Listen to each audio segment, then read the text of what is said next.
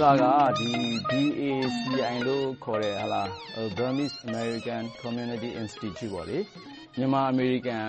လူမှု့အသိုင်းအဝိုင်းအဖွဲ့အစည်းမှာ တာဝန်ရှိ ပုဂ္ဂိုလ်တဦး ဖြစ်ပါတယ်။ဆိုတော့ အဲဒီအဖွဲ့က အမေရိကန်ပြည်ထောင်စု ဘယ်မှာအခြေစိုက် ဖွဲ့ထားတာလဲ။ဘယ်သူတွေအတွက်ကို ဘာတွေအဓိက လုပ်ပေးနေတာပါလဲ။ကျနော်တို့ Burmese American Community Institute ကို ၂၀၁၁ မှာ စတင်ပြီးတော့ ဖွင့်ထားတာ ဖြစ်တယ်။ Indianapolis Indiana State မှာအခြေစိုက်ပြီးတော့ဖွင့်ထားတာ ဖြစ်တယ်။တနိုင်ငံလုံးလည်း Operational လုပ်တဲ့အပိုင်းတွေလည်း ရှိတယ်။ကျနော်တို့ ဖွဲ့စည်းရခြင်းရဲ့ အဓိကအကြောင်းရင်းနဲ့ ရည်ရွယ်ချက်ကတော့ မြန်မာပြည်ကနေကျောင်းအမျိုးမျိုးကြောင့် ရောက်လာတဲ့ မြန်မာပြည်ကလူတွေကို အောင်မြင်နိုင်အောင်ပံ့ပိုးကူညီပြီးတော့ဝန်ဆောင်မှုတွေပေးဖို့ပဲ ဖြစ်ပါတယ်။အဲဒီလိုလုပ်တဲ့နေရာမှာ ပညာရေးကိုပေးတယ်။ ပြီးတော့ Denaturalization လို့ခေါ်တဲ့ နိုင်ငံသားဖြစ်ခြင်း Green Card တွေကိုအကူအညီပေးတယ်။ပြီးတော့ အလုပ်အကိုင်နဲ့ ပတ်သက်ပြီးတော့လည်းအကူအညီပေးတယ်။ပြီးရင် Advocacy သူတို့ရဲ့ ကောင်းရာကောင်းကြောင်း ဖြစ်နိုင်အောင် Policy Making Process နဲ့ State Level, National နဲ့ International Level မှာ Advocacy လည်းဝင်တာဖြစ်တယ်။ကျနော် နားလည်ထားတာက အမေရိကန်ပြည်ထောင်စုကို ရောက်လာကြတဲ့ ချင်းတိုင်းရင်းသားအများစုကဆိုရင် ဒုတိယနိုင်ငံ မြန်မာနိုင်ငံကနေထွက်ပြီးတော့ ဒုတိယနိုင်ငံတခုကိုသွားတယ်။ပြီးတော့ အမေရိကန်ပြည်ထောင်စုကို တတိယနိုင်ငံအဖြစ်နဲ့ အခြေချနေထိုင်ဖို့ ရောက်လာတဲ့ ဒုက္ခသည်အများစု ဖြစ်ပါတယ်။ဆိုတဲ့အခါကြတော့ ချင်းတိုင်းရင်းသားတွေက အမေရိကန်ပြည်ထောင်စုမှာ ဘယ်လောက်အထိ များများရှိနေပါလဲ။အားလုံးကိုကြည့်မယ်ဆိုရင် သုံးသိန်းလောက်ရှိပြီလို့ ခန့်မှန်းရတယ်။အဲဒီအထဲမှာ ကရင်က အများဆုံးဖြစ်တယ်။ကရင်က ခုနှစ်သောင်းလောက်။ ပြီးရင်ချင်းတွေကခြောက်သောင်းလောက်ဖြစ်တယ်။မြန်မာနိုင်ငံမှာအခုဆိုလို့ရှိရင်အရပ်သားအစိုးရဖြစ်တဲ့ NLD အစိုးရအပြောင်းအလဲလည်းဖြစ်လာပြီပေါ့။ဆိုတော့ဒုက္ခသည်တွေကဆက်ထွက်နေတုန်းပဲလား။ရှိတော့ရှိပါတယ်။ဒါပေမဲ့များများတော့ဟိုတုန်းကလိုတော့မရှိတော့ဘူး။အခုက Category လို့ခေါ်တဲ့အုပ်လိုက်အစုလိုက်နဲ့ထွက်သွားတယ်။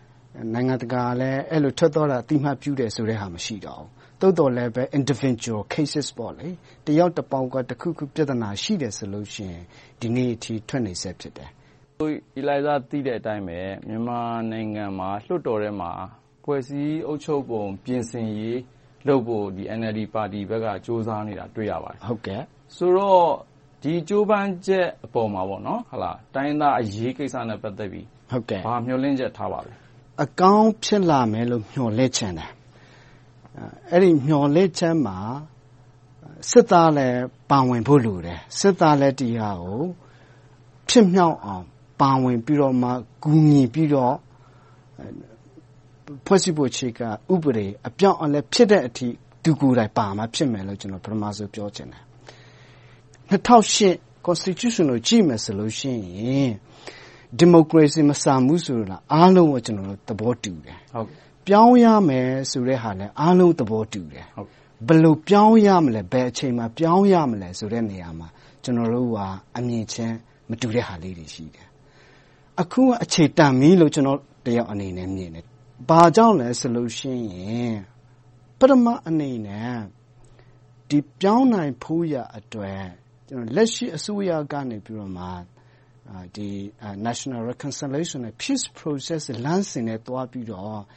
တိုင်းရင်းသားလူနည်းစုတွေရဲ့ အားလုံးအပါအဝင် နိုင်ငံရေးပါတီအားလုံးအပါအဝင် စစ်သားအပါအဝင် ဒီဟာပြောင်းမယ်ဆိုပြီးတော့ သူတို့ရည်မှန်းထားတာ ဖြစ်တယ်။ပြောင်းရမယ့်ဟာ ဘာကြောင့်လိုသလဲ။ပြီးတော့မှ ပြောင်းနိုင်သလဲဆိုတဲ့ဟာ။ပြီးတော့စစ်သားကစိုးရိမ်စရာ မရှိဘူးလို့ ကျနော်မြင်တယ်။ဘာဖြစ်လို့လဲဆိုတော့ ဒါပေမဲ့ တပ်မတော်သား ကိုယ်စားလှယ်တွေ စစ်တပ်ဘက်က သူတို့စဆွဲကတည်းက စစ်တပ်ရဲ့ အခန်းကဏ္ဍကို ထိပ်ဆုံးကိုတင်ပြီးတော့ ဆွဲထားတာ ရှိပါတယ်။ဒါ အားလုံးသိပါ။သူတို့က အာဏာကို လက်လွှတ်လိုက်ရမယ်။ဒါမှမဟုတ်နောက်ကြောင်းပြန် အရေးယူမှုတွေအတွက် စိုးရိမ်တာမို့လို့ဖွဲ့စည်းပုံ ပြင်ဆင်ရေးကို သူတို့ဘက်က အကြောက်အကန် ငြင်းနေမယ်ဆိုရင်အဲဒီအချက်ကိုသဘောတူသလား။အဲဒီမှာစစ်သားကစိုးရိမ်တာကျနော်မြင်သလောက်ဆိုရင်သူတို့ရဲ့ Security သူတို့ရဲ့လုံခြုံရေးမှာစီးပွားရေးလည်းပါတယ်။ပြီးလို့ရှိရင် legal လည်းပါတယ်အဲ့လုံခြုံရေးအဲ့ဒီဟာတွေမရှိအောင်ကိုကျွန်တော်တို့နိုင်ငံတော်အတိုင်ပင်အတိုင်ပင်ခံပုဂ္ဂိုလ်ဒေါ်အောင်ဆန်းစုကြည်ကိုယ်တိုင်ကဆောင်ရွက်ထားတာတွေရှိတယ်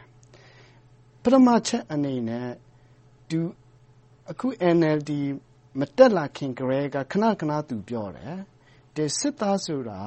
ကျမရဲ့အဖေကနေပြီးတော့မှထောင်ထားတဲ့တန်ရောစီလည်းရှိတယ်ဒီစစ်သားနဲ့တူလက်တွဲပြီးမှကျွန်တော်တို့လုပ်မယ်ဆိုပြီးမှသူခဏခဏပြောထားတာရှိတယ်ဒုတိယအချက်အနေနဲ့ဒီလုတ်ပြီးခဲ့တဲ့သူတို့လုတ်ခဲ့တဲ့ဟာတွေကိုရန်ညှိုးပြီးတော့မှပြန်မသွားဘူး revenge ပေါ့လေအဲ့ဒါမရှိဘူး leeway ဒီလွတ်လပ်ခွင့်ပေးဘူးရာအဲ့ဒါစင်စစ်ထားတာရှိတယ်စင်စစ်ထားတာဆိုတာခုဘာမှမလုပ်ဘူးလုပ်မယ်ဆိုတဲ့ mechanism လည်းမရှိဘူးအဲ့ဒီ intention လည်းမရှိဘူးဆိုတော့အဲ့ဒီ၃ခုနှစ်ခုလုပ်ပြီးပြီဆိုတော့နံပါတ်3အချက်ကကျွန်တော်တို့စစ်သားကနေခဏခဏပြောတဲ့ဟာနိုင်ငံခြားဩဇာလွှမ်းမိုးမှုကိုသူတို့လက်မခံဘူးအဲ့ဒီဟာဒေါ်အောင်ဆန်းစုကြည်ကနေပြီးတော့မှ အဲ့လိုပုံကုံမျိုးမဟုတ်ဘူးဆိုတာသူပြသနိုင်ခဲ့တယ်ဒီ international fact finding mission သူအဖွဲ့မခံဘူးဖွဲတော့ဖွဲတယ်ကုလသမဂ္ဂကုလသမဂ္ဂကနေပြီးတော့မှ fact finding mission လို့ခေါ်တယ်ဟောပေါ့အချက်လက်ရှာအချက်လက်ရှာဖွေရေး committee ကိုမြန်မာပြည်ဝင်ပြီးမှသူတို့ကြိုက်တယ်လို့လွှမ်းမိုးလို့မရအောင်သူလက်မခံခဲ့ဘူးဆိုတော့ဘာပြတ်သားခဲ့လဲဆိုလို့ရှိရင်ကိုယ်နိုင်ငံကိုယ်ပြည်သူလူထုရဲ့လက်ခံမှုမရှိဘဲနဲ့ နိုင်ငံခြားဩဇာနဲ့ကျွန်တော်မြန်မာနိုင်ငံကျွန်တော်ဥဆောင်သွားမှာမဟုတ်ဘူးဆိုတာသူပြတ်သားနိုင်ခဲ့တယ်အဲ့တော့ဒီအချက်လက်တွေကိုကြည့်မယ်ဆိုလို့ရှိရင်စစ်အစိုးရဩစစ်စစ်သားကနေပြီးတော့မှကြောက်စရာမရှိဘူးလို့ကျွန်တော်မြင်တယ်ဆိုတော့ခဏခဏဒီကျွန်တော်တို့လူကြီးခေါင်းဆောင်တွေလည်းပြောတယ်အကောင်းဆုံးကကျွန်တော်တို့မြင်ရမှာကနိုင်ငံအတွက်တနိုင်ငံလို့အတွက်တကယ်ဒီမိုကရေစီနစ်ကြသလားဒီဒီမိုကရေစီက လွတ်လပ်အောင်ဒီဒီဖွံ့ဖြိုးတိုးတက်ရေးနဲ့နိုင်ငံလို့အတွက်တတိုင်းပြည်လို့အတွက်ကောင်းတဲ့ constitution ဖြစ်သလားဆိုတဲ့ဟာကိုကျွန်တော်ကြည့်ရမှာဖြစ်တယ်ဆိုတော့အဲ့ဒါကိုအားလုံးကြည့်ချင်းအဖြစ်ပြောမယ်ဆိုလို့ရှိရင်စစ်သားကနေပြီးတော့မှလက်မခံနိုင်စရာအကြောင်းမရှိဘူးဆိုတော့သူတို့လက်ခံလာမယ်လို့ကျွန်တော်တို့မျှော်လင့်ချင်ပါတယ်ဟုတ်ကဲ့အဲ့တော့ဒီဖွဲ့စည်းဖို့ပြင်ဆင်တဲ့အခါမှာဒီတိုင်းသားတွေခွင့်ရေးပေါ့နော်အထူးသဖြင့်ကိုအီလိုင်ဇာတို့လိုဒီ ချင်းတိုင်းသားတွေအနေနဲ့ရော ကိုယ့်ပြည်နယ်မှာ တိုင်းရင်းသားတွေအတွက် ဘယ်လိုမျိုး အခွင့်အရေးတွေ လိုအပ်ပါလဲ။တိုင်းရင်းသားတွေဆိုတဲ့နေရာမှာ ကျနော်တို့က ခဏခဏ ပြောတာဒီမိုကရေစီ။ဒီမိုကရေစီဆိုတဲ့နေရာမှာလဲ simple majority democracy မဟုတ်ဘဲနဲ့ federalism ကို အခြေခံတဲ့ ဒီမိုကရေစီလို့ကျနော်တို့ခဏခဏ အော်တယ်။ ဒီဟာကို ကျနော်တို့ တည်ထောင်နိုင်တယ်ဆိုရင် အလိုလိုနဲ့ တိုင်းရင်းသားလူနည်းစုတွေနဲ့ ဘာသာနည်းတွေရဲ့ grievances ပေါ့လေအဲ့ဒါတွေအားလုံး တခါတည်း ဖြေရှိတယ်လို့ ကျွန်တော်မြင်တယ် ဆိုတော့ တကယ်စစ်မှန်တဲ့ federal democracy ရတယ်ဆိုလို့ရှိရင် ဒီဟာတွေအားလုံး ဖြေရှိတယ်ဟုတ်ကဲ့ကိုအီလိုင်ဇာတို့ဆိုရင်ဒီအမေရိကန်နိုင်ငံမှာ ရောက်နေပေမဲ့ဟုတ်လားကိုချင်းတိုင်းသားတွေအရေးရောဒီမြန်မာနိုင်ငံက ထွက်လာတဲ့ ဒုက္ခတွေ အရေးကိစ္စကိုလည်းကိုညီဆောင်ရွက်နေကြတာ ဖြစ်ပါတယ်ဟုတ်ကဲ့တကယ်တမ်းဆိုရင် မြန်မာနိုင်ငံမှာ ဒုက္ခတွေဆိုတာတော့ မရှိသင့်ဘူးလေဟုတ်ကဲ့အဲ့တော့ ဒီဒုက္ခသည် ပြဿနာကို မြန်မာအစိုးရအနေနဲ့ ဘာတွေကင်တွယ်ဆောင်ရွက်ဖို့ လိုတယ်လို့ကြံပေးချင်ပါလဲ ဒီဒုက္ခသည်အနေနဲ့ ကျွန်တော်တို့ ကြည့်မယ်ဆိုလို့ရှိရင် နိုင်ငံတကာရဲ့ စံနှုန်း criteria ကိုကျွန်တော်တို့ကြည့်ရမှာ ဖြစ်ပါတယ်ကျွန်တော် ပထမအနေနဲ့ကျွန်တော်တို့က